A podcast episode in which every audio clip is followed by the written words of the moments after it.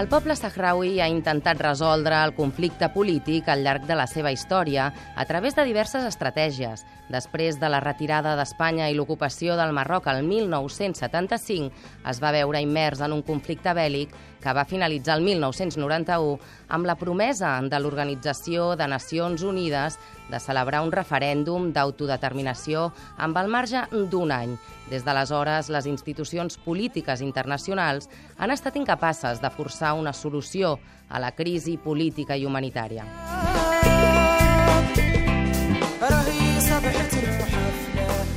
I avui parlem del Sàhara perquè fa uns dies va concloure la conferència Sàhara d'Empeus, que va reunir més de 50 organitzacions sahrauis internacionals als campaments de refugiats i es va intentar marcar una nova estratègia de resistència civil internacional davant del Marroc. L'objectiu, analitzar la situació política actual i les claus de l'èxit de la resistència civil no violenta per definir un pla d'acció unitari entre els actors sahrauis i internacionals per lluitar contra l'ocupació del Sàhara Occidental.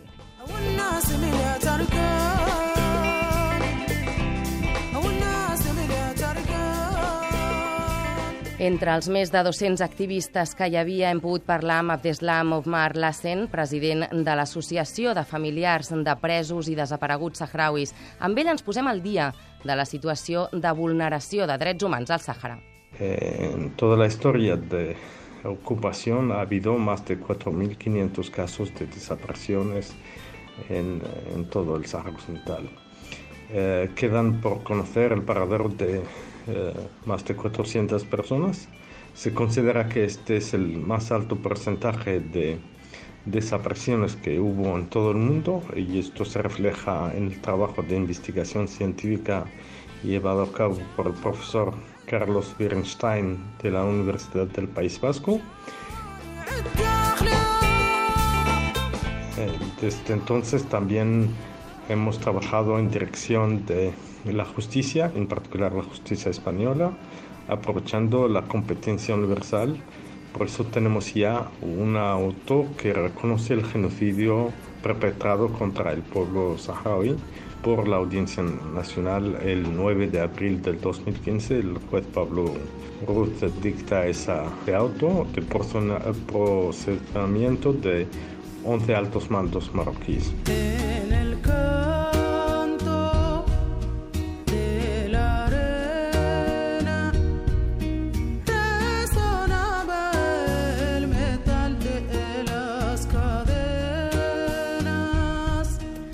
Processats 11 alt càrrecs marroquís, però les violacions de drets humans continuen i la missió de Nacions Unides pel referèndum del Sàhara Occidental no té competències en temes de drets humans, ni tampoc el Comitè Internacional de la Creu Roja, que no té presència als camps de refugiats. De fet, el Marroc els impedeix que entrin a visitar els presos polítics. L'última visita d'aquest comitè es remunta als anys 90. Des d'aleshores no hi ha hagut cap visita, tampoc dels relators especials de Nacions Unides.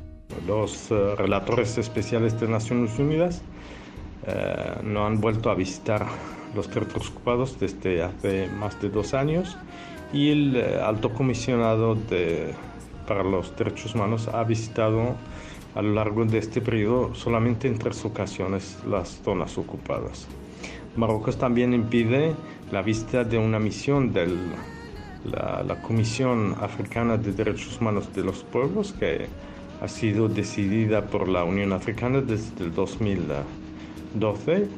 La cumbre de jefes de Estado ha renovado su llamamiento a al país parte de la Unión Africana, que es Marruecos, que eh, reintegró la Unión Africana eh, a inicios del año pasado para permitir la visita de esta misión una missió que tindrà com a objectiu estudiar la situació de drets humans als territoris ocupats. Abdeslam Omar Lassen en recorda la situació dels refugiats al Sàhara.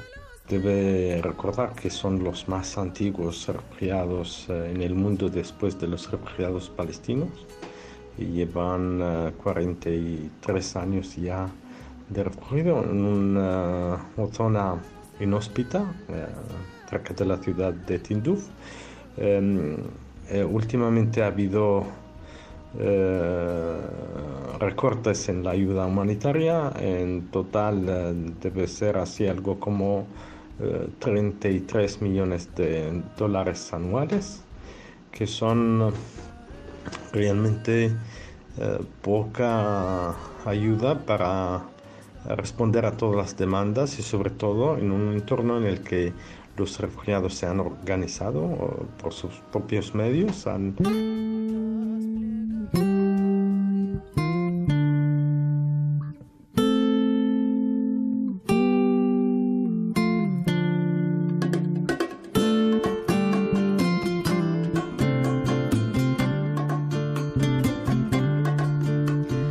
Fatma El Midhi, secretària general de l'Organització Nacional de Dones Sahrauis, porta 29 anys treballant. Ens explica les conclusions més importants que s'han perfilat després de la conferència Sàhara d'Empeus cara al futur. Estoy intentando apoyar y poner mi grano de arena para ayudar y luchar como cualquier saharaui eh, que está luchando para eh, conseguir la independencia del Sáhara y, la, paz para el pueblo saharaui.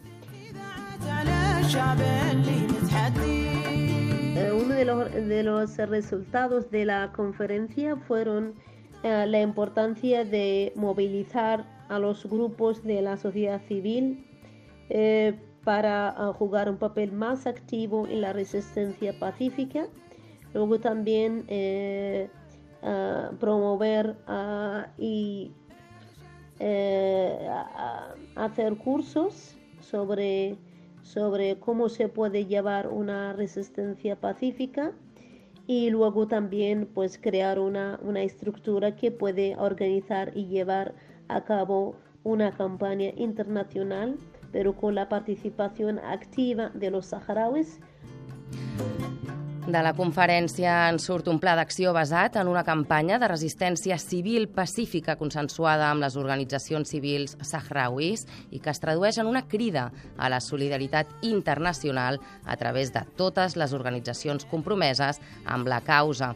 I desenvolupar també una campanya no violenta que permeti articular i reforçar les aliances solidàries entre el poble sahraui i els actors internacionals. Podeu trobar més informació a sahararais.org.